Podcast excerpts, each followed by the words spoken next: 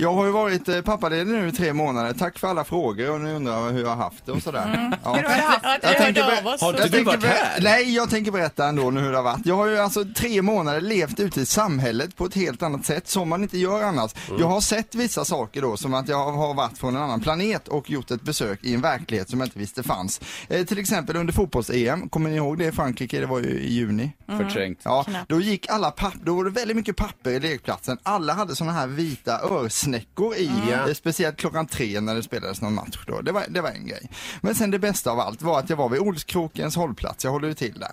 Eh, och fick då se en man komma med käpp, alltså han var blind eller synskadad eller vad det heter. Och det, alltså då tänker man sig in i hans situation. Fan vad svårt alltså att vara blind, det måste ju vara jättejobbigt. Ja.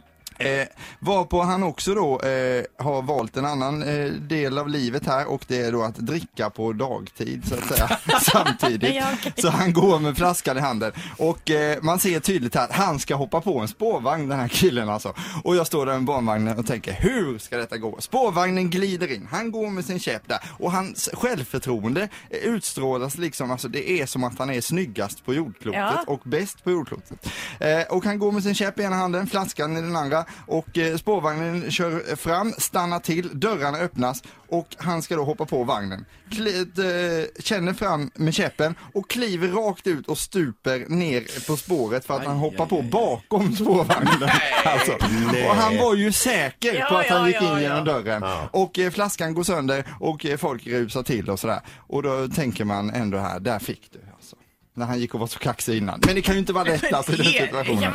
Ja, nej det gör man inte, man tänker inte det. Men han klarade sig bra sen i alla fall. Det kan jag. Men alltså eh, eh, just kombinationen då med synskadad, eh, eh, dricka mitt på dagen och stå nära ett spårvagnsspår. Det är ju ingen jättebra kombo. Nej, det är ingen bra trippel. Nej, nej det är det inte. Men det har jag sett i alla fall. Ja, ja vilken sommar du har haft. Ja, tack för att ni frågade hur jag har haft det. Ja, tack. Ett poddtips från Podplay.